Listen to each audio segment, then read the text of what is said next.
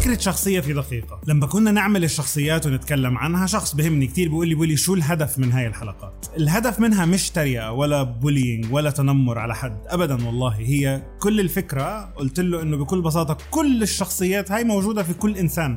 يعني أنا عن نفسي كلهم موجودين فيه. مرات بكون غراب مرات بكون أبو عتب مرات بكون أبو غضب مرات بكون إيجابي زيادة عن اللزوم وإلى آخره وبحاول أكون صخرة بقدر الإمكان.